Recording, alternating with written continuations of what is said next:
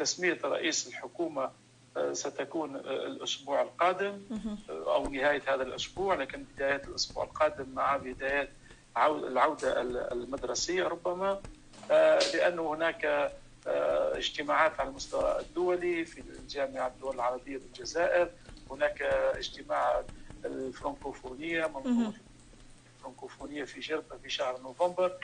كل هذه المواعيد الدولية المهمة لتونس تستدعي يعني وجود رئيس حكومة تستدعي وجود رئيس وزراء. هناك بعض الأسماء لكن حتى المقربين من رئيس الجمهورية ما زالوا لا يعرفون في ماذا يفكر رئيس الجمهورية ومن سيختار رئيس الجمهورية. آه يعني الناس الكل تنتظر ولكن المهم آه هو في القرارات القادمة هل سيكون هناك انتخابات مبكرة؟ متى ستكون هذه الانتخابات؟ هل يكون استفتاء قبل الانتخابات؟ هل يكون يوم الانتخاب هو يوم استفتاء ويوم انتخاب برلمان جديد؟